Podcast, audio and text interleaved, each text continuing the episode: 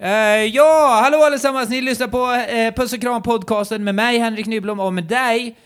Magnus Bettner. Vi får nog kanske ha lite lägre volym på oss. På oss. För att, så inte vi stör någon. De här, så här, här betalar man svindyra pengar för dörr. Vi kör tills de knackar på och då eh, får vi köra. Alltså det, jag 20, orkar. 20 minuter. För om jag, jag märkte det, jag lyssnade lite på det avsnittet när Edith var i rummet. Mm. Så fort jag pratar lugnare så eh, stammar jag ännu mer. Jaha. Ja, jag tror att... eh, Så jag, de Det är- får komma in och klaga så här. Så jag orkar inte bry mig om. Det vi bor på ett fint hotell.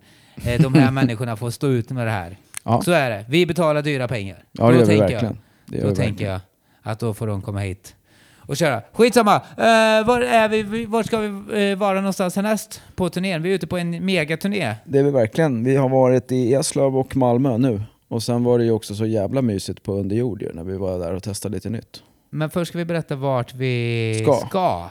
24 är vi i Söderhamn, 26 är vi i eh, Västervik, 2 december är vi i Eskilstuna, 3 december Skövde. Ja, så köp biljetter på pussekram.nu så syns vi där. Det har varit gött som fan. Nu drar vi väl igång det här då. Det tycker jag.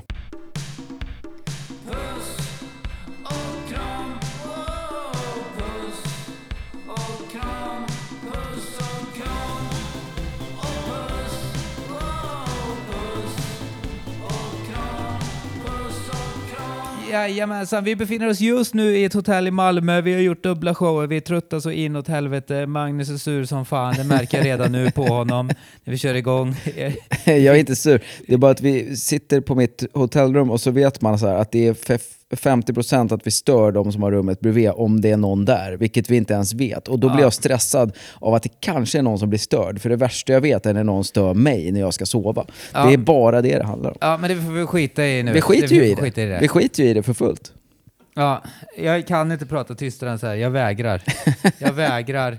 Jag ska, kan göra det, men då är- för er upplevelse och det vi stör då är lyssnarna. Och Ja. för mig är lyssnarna viktigare än någon jävla tjomme som ligger med någon eh, slavisk prostituerad här vid rummet bredvid. Fast om de hade gjort det så hade ju de stört oss förmodligen. Ja, eller så hade de kört sån tyst fingerfucking hela tiden. Att han bara kör in fingret i röven på sig själv och hon får kolla på.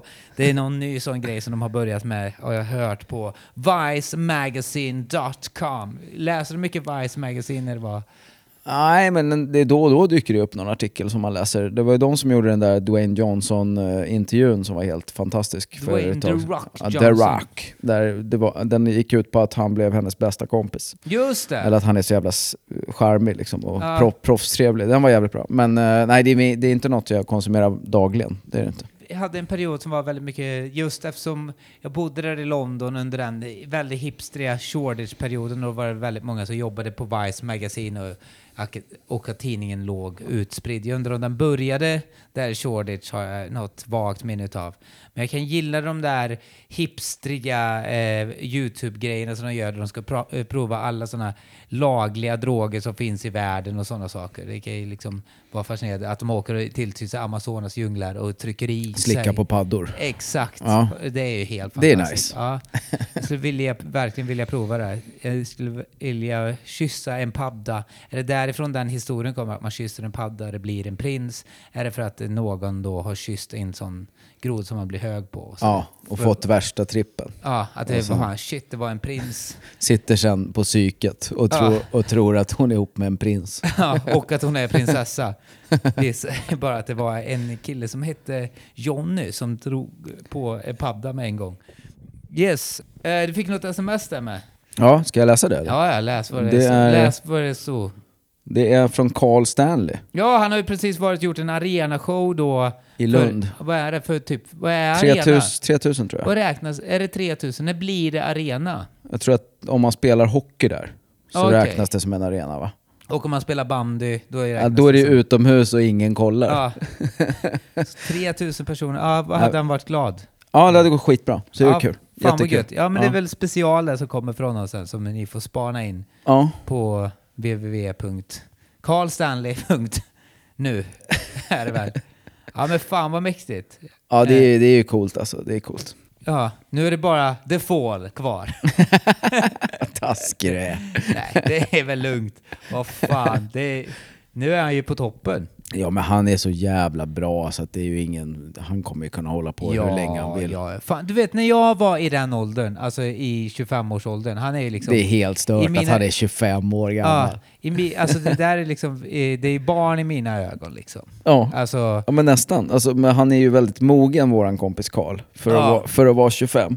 Han är ju som att han är 26. ja, han, det är ju fina, han valde ju vuxenlivet väldigt tidigt i det. Alltså liksom, jag, I livmodern tror jag nästan Ja. att han gjorde det va? liksom, jag är ju 10 år äldre än honom och du är 20 år äldre än honom liksom. Ja. Så att i, i vissa grejer så är det bara så här, är liksom så jävla med i det och liksom eh, inom stand-up och sånt så vet han ju så jävla mycket mer. Men sen så är det vissa så här små grejer som är liksom så här, ja just det, det där har ju tyvärr du missat som jag hade som jag missat som 25-åring. Som alla måste missa. Sådana grejer tänker du? Så här, nitar man måste gå på och sånt eller? Ja, eller ja, lite du vet så här nattklubb eller du vet så här eh, det är livet kanske som vanliga, alltså, eller alla i min umgängeskrets liksom när man var i 25-årsåldern kanske. Men det Ja. är liksom olika liksom. Ja, jag det hade ju aldrig det heller. Nej. Eftersom jag var uppvuxen i kyrkan liksom. Ja. Sen när man väl började dricka, då var det ju nästan, det var ju innan stand-upen men det var inte så jävla långt innan. Och då var det mer krogar och sådär. Ja, Så jag har ju aldrig varit någon klubbkille direkt. nej. Går, Tror det eller ej. nej, man tror att det är lite sån ryssklubbkille. Ja, men det är grymt, så att det är ju asfett. Det är väl yngsta personen att köra arena. Ja, det Eller är ju... Johanna Nordström lite yngre? Ja men det kanske hon är. Hon Ja. är hur gammal är hon? 17? Jag vet inte. Nej, Alltså, jag har ingen aning hur gammal hon jag är, men vet de är inte. väl typ jämngamla skulle jag tippa. Ja, så att, eh, ja, så att de är i samma nivå där. Mm. De unga kommer att ta våra jobb. Ja, för mig är det lugnt. Så länge, jag, så länge jag kan göra min grej så är det lugnt. Ja, det Så länge jag... Det är vet, också kul tycker jag med stand-up, eller med allting, för det finns så jävla mycket utrymme. Så det är liksom ingen, det är inte så, konkurrensen är ju inte på den nivån liksom, den är ju längre ner. Alltså om du är tio stycken som är på ungefär samma nivå som slåss om att headlina Norra Brunn. Ja. Då kan man ju förstå att det är krig liksom. Vilket det inte är heller, det är en ganska snäll bransch. Men läng, längst upp så spelar det ju ingen roll. Det, är- det är inte som att säga, ah, Gardell försvann, då blev det massa extra jobb till Henrik Schyffert. Så är det ju inte. Liksom. jag minns när jag började jobba på Norra Brunn, jag stod i baren där, så tänkte jag så här, för då var det så jävla mycket gnäll från alla komiker och sådana saker. Och då bestämde jag mig, eh, typ då, att typ så här, jag får inte gnälla, och jag får gigga här så ska jag inte gnälla på det. Och liksom Nej. försöka hålla kvar i det där. För att jag, jag har ju sett båda sidorna av myntet. För att då stod vi liksom i baren där och hällde upp liksom till fula, eh, inte fula, fulla och fula sådana människor som står i baren och hänger och man jobbar åtta timmar om dagen och så kommer det in komiker och kör typ en kvart och bara så här äh, Fan alltså det här är så jävla jobbigt och man bara så här Fuck you din fucking jävla, vad gör ni? Går upp och drar sura jävla vitsar. Samma som du gjorde för tre år sedan. Ah, ja, ja. Nej men det där brukar jag tänka på jätteofta. Att jag, just den första gångerna som jag headlinade på Norra Brunn, ja. när jag var så här, shit, nu har jag liksom nått dit där jag ville vara. Det var här som var målet. Och nu brukar jag tänka på det alltid, att så här, ja men alla gig på turnén, hur jobbigt det än är, hur länge man måste sitta i den här jävla bilen, hur länge man måste vara backstage, allt som är tråkigt och jobbigt med det här, så är det tusen gånger bättre än hur man hade det då. När man Ja, bara ja. var så här, bara var asglad att få vara headliner på Norra Brunn. Och det här är ännu roligare. Ja, ja, Och verkligen. en, och det, så det är ju Och viktigt man att komma ihåg det. Liksom. Ja, ja, det är så jävla lätt att glömma. Så går man runt och börjar gå runt och är deprimerad och sur och liksom vill... Här, ursäkta mig, har ni rakblad? Vadå, ska du ra- raka? Nej, jag ska skära mig i armarna innan gig. För det är så... På tal om det där så såg jag en dokumentär nu då, i- vad heter den? Stats, tror jag att den heter, som går på Netflix med eh, skådisen och komikern Jonah Hill som är känd från till exempel filmer som Superbad, Wolf of Wall Street eh, och liknande. Eh, lilla tjockisen. Ja, eh, som är väl, han är väl väldigt smal nu typ. Jaså? Han. Mhm. Och han tar upp väldigt mycket det där om att du just nämner att han har tjockis. Mm. Att det är så, ett, ett sånt R i honom. Ja. Jag ber om ursäkt Nej, det är, lugnt. till din komikerkompis. Nej, det är det som är så svårt med den här dokumentären då. För att ge- lite kontext till den så handlar den här dokumentären om då eh, en gubbe som heter typ Frank Stutz, säger vi. Mm. Och han är då hans terapeut. Och så, så går de igenom hans verktyg som han har fått honom att må bättre för Jonah Hill har varit deprimerad. Ja, depression. Ja. trots att han är liksom en av liksom världens största skådisar, topp 20, eh, mest betalda skådisarna i Forbes-listan. Har jobbat Är han med, ja, jobbat med Scorsese. Det hade jag inte gissat på. Nej, men han är ju grym. Moneyball är han ju också fantastisk i. Mm. Eh, så att han är ju liksom drama och komedi. Men också den där eh, mår svindåligt. Hans brorsa gick bort nyligen. Eh, vad var det? 2017. Och eh, när jag kollar på den här dokumentären då, där de sitter och ska göra en sån session, så blir jag också cynisk i det. Ja. För jag blir, eh, för det är ju väldigt eh, navelskådande i att sitta och göra, precis som vi sitter och gör nu, alltså vi sitter och poddar, men här gräver de in ännu djupare i det. Ja. Du menar att man liksom börjar en behandling för någonting som man mår pissdåligt av och sen ska man filma det för att kapitalisera på det? Liksom. Ja men exakt. Ja, det är ju lite märkligt. Det är ju, eftersom det är också nyskapande i det han gör. Och det är Fast det låter ju som att man har sett det här tio gånger förut. Ja, jag vet inte vart. Alltså, för egentligen dokumentären handlar om hans terapeut, är ju liksom Ja. the aimet, fast det handlar ju om han själv. Ja. Nej, det har man väl kanske inte, men Some Kind of Mons- Monster var ju lite så Ja men också. exakt. Men det, det var väl inte så, de gick ju liksom i någon slags märklig gruppterapi och verkar ju bara vara fyra stora bebisar, eller två i alla fall. Ja, det här känns väl som att just... Du, nu har inte du sett den här, men det känns väl som att han har lite mera djup i det där. Fast det blir också väldigt skitnödigt i typ någon scen då han sitter bara så här, okej, okej, jag ska prata om någonting och så, eh, för att han ska öppna upp sig för den här terapeuten. För att spoila lite i den, eh, detta är bara en kvart in. Det ska se ut som att det är en session.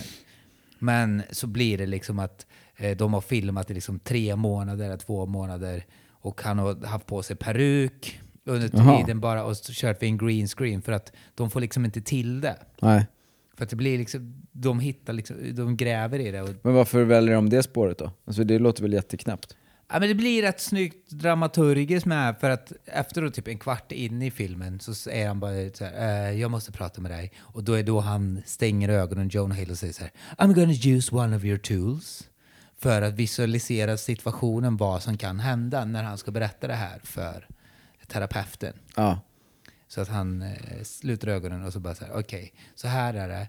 Jag har inte kunnat prata med dig på det sättet som jag har velat prata med dig under terapisessionerna för att vi gör den här filmen. Nej. Så att den här filmen, jag tror inte att den håller på att bli så bra. Och jag kan inte säga det till dig för att du är terapeut och du är med i filmen och jag kan inte berätta för dig att det här inte blir bra. Så att det blir jävligt metalager där Ja. i filmen. Och där tar, börjar filmen ta mer vändning och de öppnar upp sig kanske lite mer för varandra och sådana saker. Och eh, eftersom det är nytt och liksom, eh, på det här sättet så vet jag inte riktigt vad jag känner i den. Och man måste inte känna i den, men det blir liksom intressant för att det är så jävla... Är det där vi har hamnat nu? Är det liksom så verket har blivit? Att det är liksom så jävla ut... Ja, men det är lite som, vad hette den med, med Joaquin Phoenix? I'm still here va? Den, Ja, var, ju, han- den var ju, det är ju inte samma sak, men det var också lite så här navelskåda eh, sitt eget. Fast han trollade väl hela den va? Ja, det vet jag inte om han gjorde, eller det gjorde han väl kanske, men jag tror inte, det vet jag inte. Jo, det var väl en trollning att han skulle gå, vara en gubbe för att låtsas vara, att det var en kaufmanistisk grej. Ja. Medan folk räknade ut det innan han gjorde det, så att det blev liksom... Ja, det kanske var så. Det var Casey Affleck tror jag som Ja, regisserade den va? det. Ja, Men att han skulle börja med hiphop och sådana saker. Ja, exakt. och hade skägg, skägg Ja. och... Och kom och var liksom otrevlig där Letterman och det klassiska där han satte tuggummit under eh, bordet. Mm. Ja, men det är den där, eh, varje gång någon gör något nytt så blir det en eh, intressant take på det. Och liksom man, vet inte, man vet inte hur mycket det är också som är regisserat i det där. För att det kan också vara helt jävla genomtänkt det han gör. För att han är liksom så pass smart. Ja, du menar att hela skiten skulle vara fake eller? Ja, att han inte uppgjort. ens har någon depression? Ja, det skulle också kunna vara. Det eller finns att han har det och... Det finns ju också någon sån story om Jonah Hill då, att han var, sa att han var sjuk och la upp någon bild på Instagram och så var han på semester eller något sånt. Det är också så här... Och folk, för jag var tvungen att kolla upp lite om den här och folk, blir, folk är verkligen rasande på honom i vissa fall. Ja. Men Och- f- så gjorde han det som en kul grej eller gjorde han det för att han gillar uppmärksamhet? Ja, Man vet inte. Nu har han ju bestämt sig för att han, han är inte med och gör inga pressreleaser eller något sånt. Han kommer inte åka runt och gör, promota några filmer eller något sånt. Han har slutat med allt sånt. Jaha. Men har han kvar sitt Instagramkonto? Jag vet inte, jag följer honom inte på Instagram. Jag följer, jag följer eh, inte så... Föl- Folk som bygger om en husbil. Ja, mer sådana saker. Eh, det är intressant det där, alltså det är ju reality-världen. Och då tänker man så här, när började den reality-världen egentligen? Självklart Big Brother och Robinson och allt sånt, men det stora var väl typ så här eh, Ozzy Osbourne, det, The Osbournes. Ja. Sen var det ju ett tag när det var sådana där andra, det är ju inte reality, med cribs och sånt där. När det, Ja. det var väl det första, de första sådana liksom, som gick på MTV. Ja, och när det, man skulle åka hem till rika människor och kolla hur de hade det i badrummen. Liksom. Ja, också sådana hi- hiphopartister och storyn väldigt mycket bakom Cribs. Det var ju också sån, nästan en scam med Cribs då, eller scam och scam. Men som åskådare, som liksom 14-åring, när jag var i den åldern och kollade på det lite så så var det ju att man tänkte så här bor hiphopparna. Ja, Och sen nu då i vuxen ålder så har jag fått reda på att det var ju hyrda hus. Det var ju inte deras riktiga hus. De hyrde in miljardärers hus för att visa upp. allihopa alltså.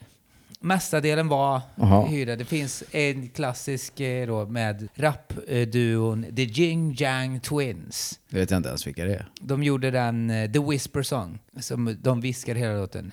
Hey, hey, baby, when you took in my ear. Boo, boo, boo. Boo, boo, boo, boo, boo.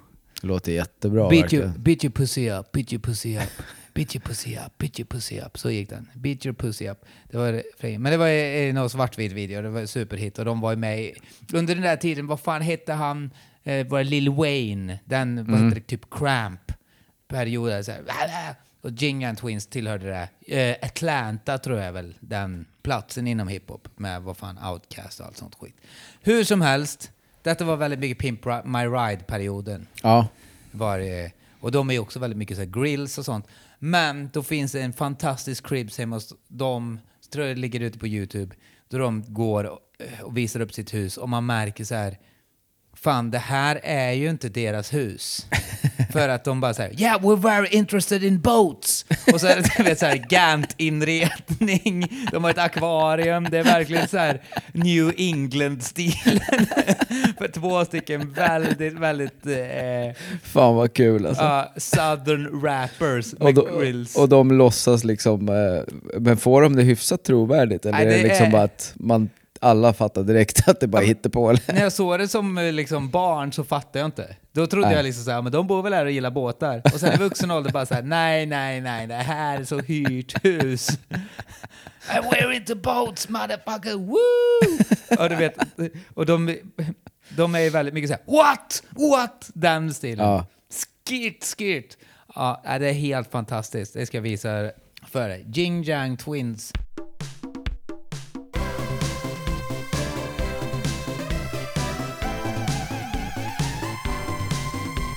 Ja, men det var väl det där visa upp hemmet. Det finns ju också den där eh, i Sverige också det där. Visa upp ditt hem.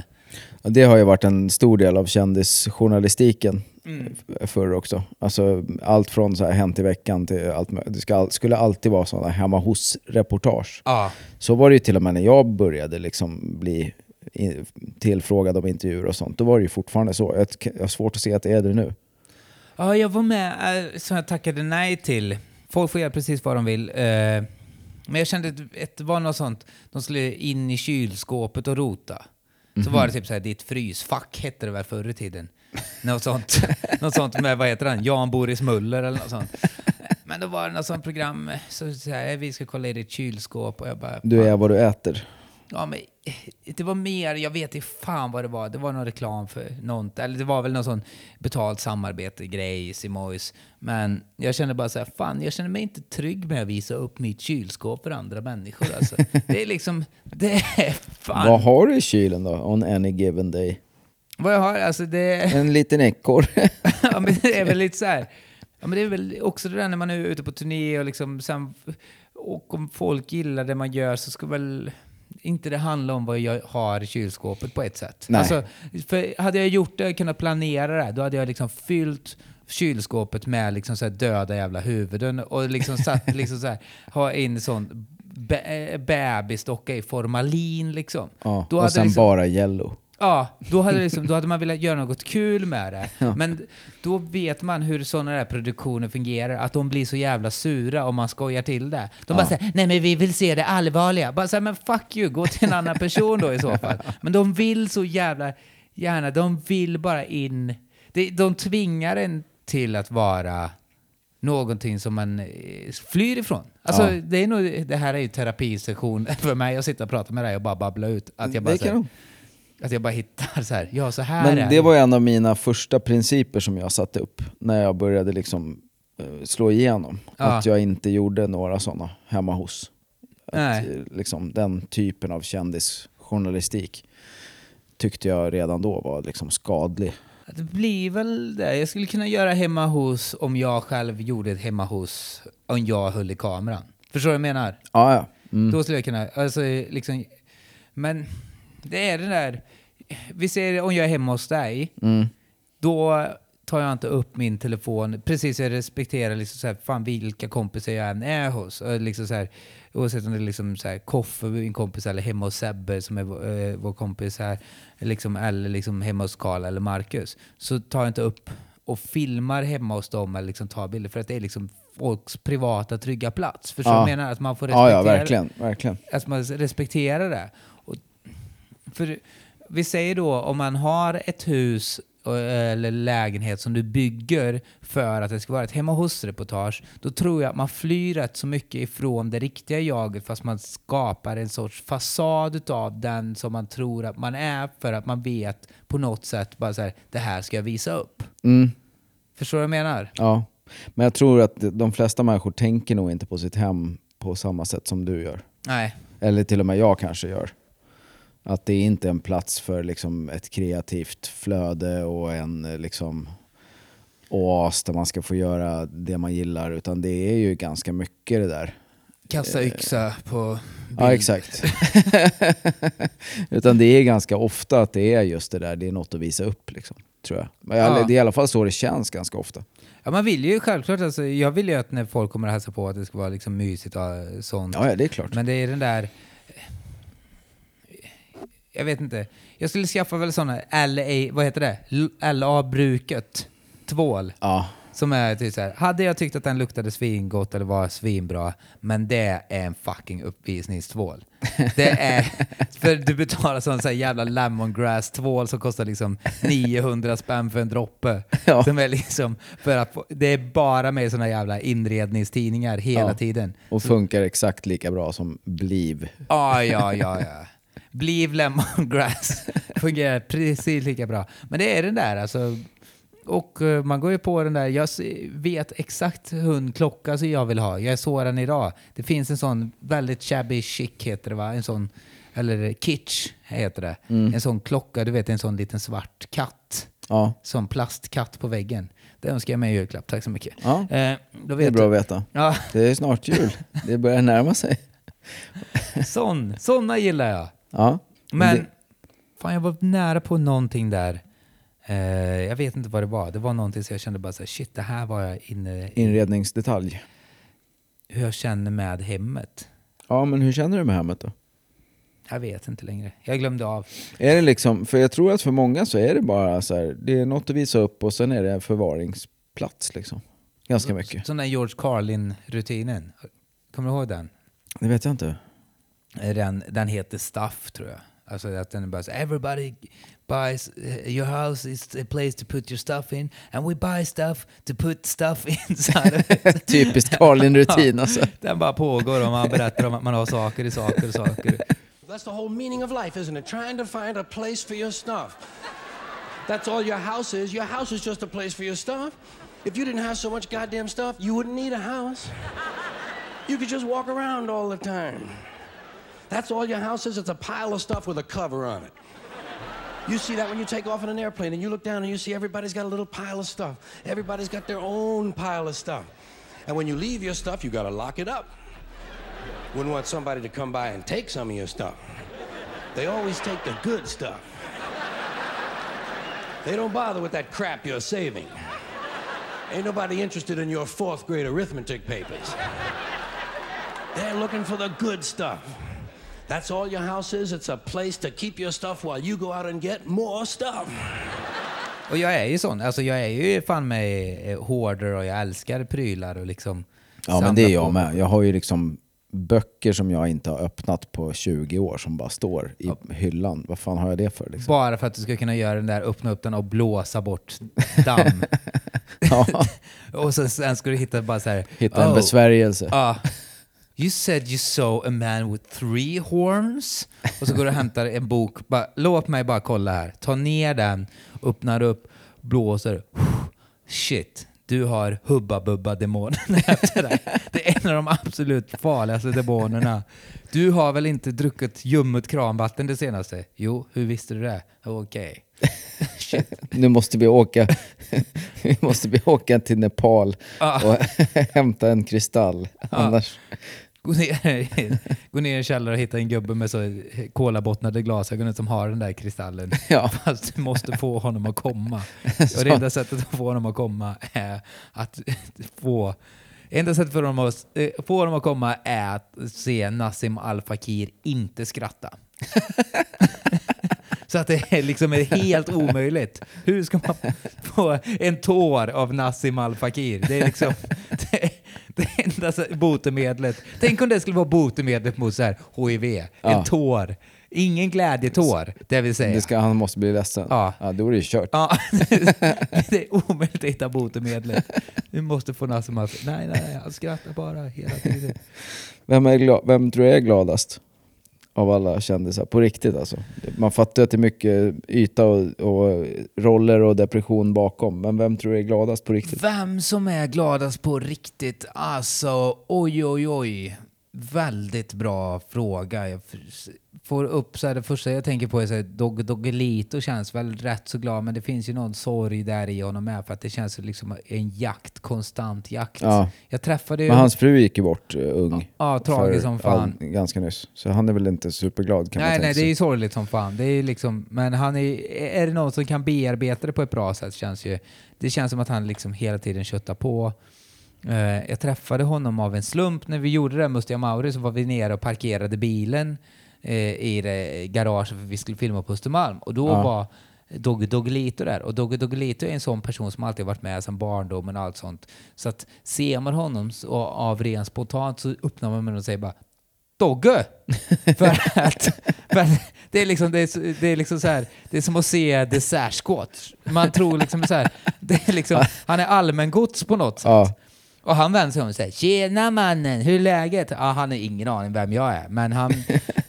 han jag bara säger “Ja, tjena, det är bra, det är bra”. Och jag frågar så här, “Vad har du gjort? Vad gör, gör du för något då?” “Jag har varit uppe hos Dr. Alban och spelat in en låt.” Fan vad kul. ja, och man bara tänker så här, “Fan, det här En blir vanlig bara bättre." onsdag, liksom. Ja, blir bara bättre och bättre. Och sen så frågar han mig till så här, "Och “Vad gör du för något nu då?” Som, för att han fattar typ så här, för jag ser liksom knasig ut på något sätt. Ja. Han fattade att här finns det något att vinna. Så här, men jag är ute du vet, så här, och giggar nu. Vad, vad är det du gör för något? Jag är ute på turné och då sa jag väl så här, men bett ner och vi kör våran standup och sånt. Ta mitt nummer, säger han.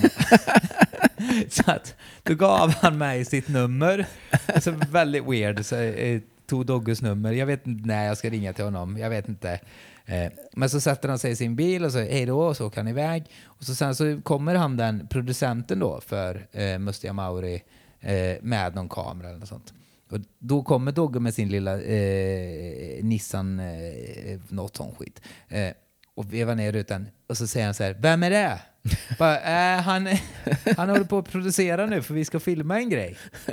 Ge honom mitt nummer. Sen drar han iväg. Nej, det är så... Fy Så fan vad kul. Vi är så riktig jävla mega hustler alltså. Ja, ja, ja. Älskar, älskar. Han är ju också den där... Det är väl lite sorgligt. Eh, han var ju den där som gjorde reklam först. Ja. Så man nästan kan hatten av för att han var först med det. Han var liksom den vågade i det där. För att han fick så mycket skit för det. ja, av mig bland annat. Fick han det? Ja. Såklart. så? Ja, det är väl klart. För han, för att han visste nog inte bättre och han tänkte nog inte på det. Nej. Men de som gör det nu är ju väldigt mycket mer medvetna om konsekvenserna och på ett annat sätt. Men Dogge blir Och, och liksom... att han kanske fick 8000 och en kexchoklad. Ja, och, Och en då- cykel på köpet. Ja, och de får hur mycket pengar som Ja, helst. ja. Så det är liksom... Nej, my big up för Dogga. Jag hoppas att han får en sån eh, revival-grej. Alltså du vet. Har han varit med i Så mycket bättre eller? Nej, det är också konstigt att han inte har varit med i det. Det tycker man att han Ja, borde få vara. det är lite skumt. Han är, känns ju väldigt eh, TV4-kompatibel överlag. Liksom. Ja, fan. Och han har gjort många jävla bra låtar alltså. Det är ju det. det alltså, Ja, där har vi olika åsikter, men det kan vi ju ha. fan. ah, Mecka med Latin Kings. Som jag mecka en, jag mecka två, jag mecka tre. Jag mecka en Brian, I light it with fire. Ah, fy fan, det är... Det är något fint. Men han, var, han är ju barnstjärna liksom. Ja. Det, är, det. finns, finns det någon frisk barnstjärna? Nej, det gör väl inte det va? Det, är, det blir ju klurigt. Ja, nej vad fan, man blir ju fucked up om man blir känd när man är vuxen också. Ja, ja, ja. Det är ju, det är ju knepigt liksom. Man, det, är, ju- det är därför alla knarkar och eh, hänger sig och mår piss. Det är, Mm. för, det är för att man blir knäpp av att bli känd. Jag har ju blivit knäppet av att vara okänd. Ja, du, men du har ju alltid varit knäpp. Så det är vi, i, I ditt fall kommer vi ju börja oroa oss när du börjar pensionsspara och måla i Stockholmsvitt. Ja, fy fan vad läskigt, det kommer vara. Vem tror du är gladast förresten? Lasse Berghagen har jag känsla av ligger bra till. Ja, oh ja, ja. ja. Han känns som en sån genomglad jävel. Fast han är säkert elak. Ja. Tror du inte? Jag tror att han är elak eh, mot... Eh, Nej, varför? Nej, vet du vad? Det där tar jag tillbaks. Vet du varför jag tar tillbaks det? nej, jag tror att han är otrevlig mot servicepersonal om jag ska vara helt ärlig. Nej, jag tror faktiskt inte det. Och det är ba- bara baserat på en anekdot eh, som jag själv, det- eller liksom en upplevelse. Vi gjorde någon sån här sopig jävla julgala, du vet. Ja, Eh, massa kändisar som ska sjunga jullåtar och så hade de då eh, någon idé om att stand-up skulle vara med i det där skiten. ja, Och det var svinbra betalt och jag var pank som vanligt. Ja. Så jag sa, ja, men jag gör det där skiten då. Det var åtta gig tror jag och så skulle man gå in och bara blåsa på i en kvart på Friends Arena. Så det gick ju inte att göra något vettigt liksom. Man fick ju bara trycka på allt vad man kunde Ja. i en kvart liksom. innan Willy från bygglov skulle gå upp. Ja men typ, alltså det var ju massa sånt där liksom. Ja. Nu ska vi eh, lotta ut några jävla abonnemang och nej, det var ju helt värdelöst såklart liksom. Såna jävla jättevärmeskåp de rullar in med köttbullar. Ja. Det, är, uff, det är ju fattigt alltså. Men i alla fall då, Vad, är, vad är det de säger? De säger är inte mellanvarmt, eller vad är det de säger? mellanvarmt. Ja, vad är det man säger? Det är Småvarmt. Småvarmt. Ja, In med det småvarma, fort! Och du vet, jag bara den här bilden utav, jag har jobbat på sådär med Skara stadshotell och sånt, stora cateringar, då man står innan eh, och så ställer man sig, radar man upp sig som så familjen får en trapp och så går chefen och berättar så här: okej nu kommer de snart hit, företagen. Och så du vet så här, först är det väldigt viktigt att vi tar ut det småvarma, Camilla där kommer ta hand om det där. Och så är man som teamet och så kommer de där kändisarna lite bak och så kommer, och man tror att de lever drömmen. Ja. Men då är det en ledsen Magnus Betnér. Ja, men du kan ju också tänka dig skillnaden på Skara stadshotell och Friends Arena. Hur jävla många köttbullar de hade Ja. att rulla ut i det där gänget. Alltså. Men, så då var i alla fall, och, och showen var väl helt okej som jag minns det, det, det jag såg. Liksom. Det är så här, duktiga sångerskor Ja. och sångare som gjorde massa goa jullåtar. Sissel Kyrkjebø. Nej, men det var, det var, förutom Lasse Berghagen så var det väl Hanna Hedlund och det var Jag är Molly. Sandén och Danny Saucedo. Ja. Lite sådana där liksom. Eh, och ja. Och då... Hela fatta landsting, själv, liksom. i landstingsgig. och, och jag kommer dit och är ju sur som fan för att någon idiot har inte fixat ett backstagepass. Så det är någon sån jävla Ja. vakt på powertrip som inte vill släppa in mig och jag vill bara hem. Jag bara säger jag skiter i det här då. Alltså Ja. jag, jag, jag, jag orkar inte hålla på att det ska vara krångel. Men i alla fall, så då andra gången jag var där, då hade jag med mig Lina. Som ju då var kanske fem eller någonting. Typ som, ja, som Edith är nu. Liksom. Ja. Lite äldre kanske, sex sju säger vi. Och då det, det är sådana katakomber där nere i bak, bakom liksom, på Friends Arena. Så man får ju, ibland är det liksom en kilometer dit man ska. Ja, det är så Spinal Tap Ja, moment. och så var det så här, eh, jag behövde verkligen pissa liksom. Ja. Och, och så var det skitlångt till toaletterna från där vi var, greenroomet. Hoppas att den här storyn sånt. slutar med att Lasse Berghagen sitter på sina knä och säger du får pissa i min mun.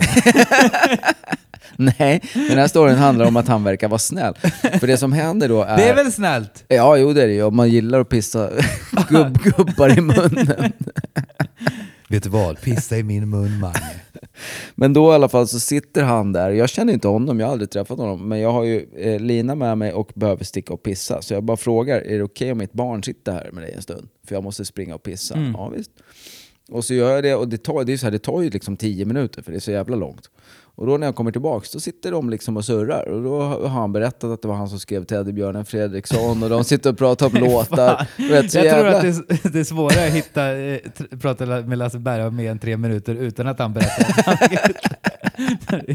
Så kan det mycket väl vara. Men det är väldigt gulligt ändå att han liksom... när, när du kom tillbaks att han sa så här, oh, tack för att du kom, jag hade inget mer kvar att berätta om mitt liv. Jag var inne på att börja snacka om Stockholm, Stockholm stad i världen.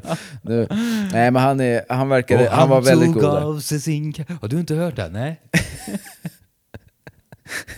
Han hade ju bara kunnat satt henne med ett ritblock och bara hållit käften. Men han underhöll liksom Ja. eh, linan. Så jag tar tillbaks att han verkar elak. Han verkar snäll. Ja, då är han nog rätt så snäll. Eller så var han rädd för... För mig? Ja. Helvete, nu sitter... Har jag berättat om den fruktansvärda upplevelsen då jag var tvungen att underhålla Magnus Betnérs barn? Fan. Jag tänkte också, jag tänkte om du hade kommit tillbaka och eh, eh, Lina hade kallat Lasse Berghagen för pappa. Okej, du är min pappa nu. Hej då. Ja, men jag tänker, ja, han är nog god. Han, han känns väldigt eh, glad i spriten. Nej, han är nog underbar. Och sen så vet man inte, han är i den åldern så att eh, han kan ju vara så när avsnittet kommer att... Typ, Att han är död. Ja. Ja. Och Och I så fall beklagar vi verkligen och tycker Ja. att det är jättetråkigt. Och det kan vi, jag kan ju berätta en liten sån behind the scenes eh, ifrån till exempel eh, På spåret. Eftersom det inte är jag som har vittnat det här så är det lugnt för mig att säga det. Men till exempel i då På spåret, om de pratar om Arne Hägerfors eller något liknande så lägger de, filmar de extra när publiken inte är där. Christian Lok och Fredrik Lindström. Så säger de så här, ja det där var Arne Hägerfors som tyvärr tragiskt har gått bort. är det sant? de lägger in, de Nej, spelar in sådana extra bitar. Har jag ifrån en säker källa. Men det måste man ju göra på alla då ju. För det kan ju Alla- lika gärna vara en ung person som dör i en bilolycka eller vad fan som helst ju. Ja, de samlar, nog, de samlar ihop lite sånt Fan, där. det där skulle man ju vilja ha eh, hopklippt. Ja. 10 000 olika kända personer som de bara tar livet av i. ja, man bara får reda på Som tyvärr har gått... Va? I helvete. Jag tror att det, de gör nog den när studiepubliken har gått. Ja. För det är lite sån eh, secretive... En av Grej. de mörkaste hemligheterna i svensk tv-historia har du just outat. Ja, att de berättar att... Eh, ja, det är ju jävligt hemskt att de lägger den där. Men det, kan, Ja men det fattar man ju, för det också tar ju jävligt lång tid mellan inspelning och sändning i det där Ja, programmet också. Ja, det är jobbigt när de skickar iväg liksom så här, i- inslagsproducent, en reporter och ett kamerateam till Malta och så, så här. Ja, här brukade han hänga. Ja, Och så sen I taket. Östen med resten. Ja, du vet. Och så är det den där så här, Östen med resten som tragiskt har gått bort med hela bandet. Jag vet inte, är Östen, är resten ett band? Ja, jag tror det. Ja, Fast det var en affisch på honom backstage där vi var idag. Då var det bara Östen. ja Och så hade hans, hans autograf, det, det, därför jag tänkte på det, att hans autograf var bara Östen. Han, det stod inget efternamn Ah. eller något annat, utan det stod bara Östen. Susanne Östen. Det är som att Banarne hade skrivit autograf. Liksom. Man heter den? Ja, han heter Han har väl Östen. ett namn? Liksom. Ja, fan heter den? Men han heter Östen Jarnebrink väl? Ja, det kanske han gör. Varn- Kasper Janebrink. Ja, här heter han Warnebrink. Östen Warnebrink. Jag vet inte fan. På tal om det, med Östen med resten. Det finns också ett klipp på YouTube som så jag skulle säga När tillhör... MTV Cribs var hemma hos honom. när de var hemma hos Östen.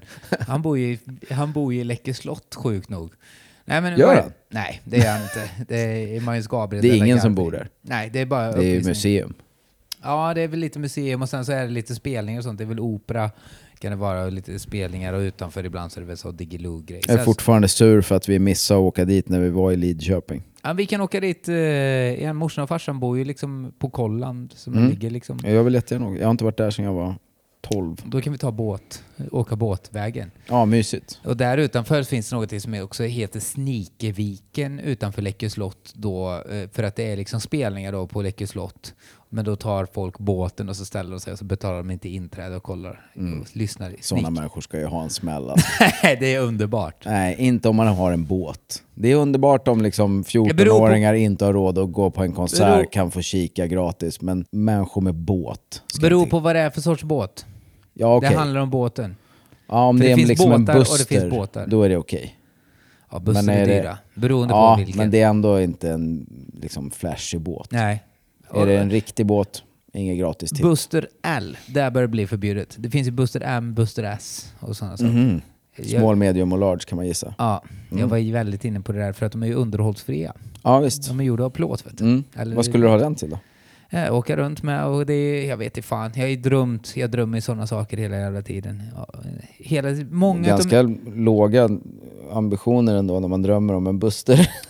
Det där var ju när jag var, när jag var yngre så var det alltid, många av mina drömmar går ut på att fly någonstans eller gräva ner mig i en grop. Vi ska eh, runda av här. Och göra en eh, bonus. Ja, en Patreon-bonus. Och så här, tack alla ni som har lyssnat först och främst. Alla ni som har kommit på alla giggen som var helt fantastiskt. Det har varit kul som fan. Och får jag berätta för er att eh, vi åker iväg i vår också. Just det. Och de eh, biljetterna, det går åt som fan. Eh, jag tycker att ni ska in och se det, för sen efter våren, då är det Då kommer vi aldrig prata med varandra igen. Nej, då är det bye bye. Nej men det är ju sista sväng, det kan vi nästan vara ärliga med att... eh, Ja, det blir ingen fortsättning på just den här turnén. Det Nej. kommer det inte bli. Nej. Det som är släppt nu, det är det som blir. Ja, det är det sista nu. Eh, sista puss och kram. Och det är inte att vi är ovänner. Det är, vi har bara be- bestämt oss för att gå skilda vägar. Vi, vi skiljs som vänner. Nej, men så att, eh, gå och kika på den när ni kan. Vi, är liksom det roligaste jag någonsin gjort i mitt liv. Eh, och det, kommer, det är så jävla fett och vi är så jävla glada. Alla som kommer. Nu. Har du något att säga Magnus? Eh, nej, bara att de ska gå in på patreon.com slash puss och kram för där kan de lyssna på bonusen som vi ska spela in nu. Och jag vill också säga tack för alla härliga, jävligt sköna människor som kommer med glada och roliga kommentarer efter giggen också. Det är mysigt. Ja. Gött som fan. Sådär. Eh, tack för att ni har lyssnat. Puss och kram. Puss och kram. Puss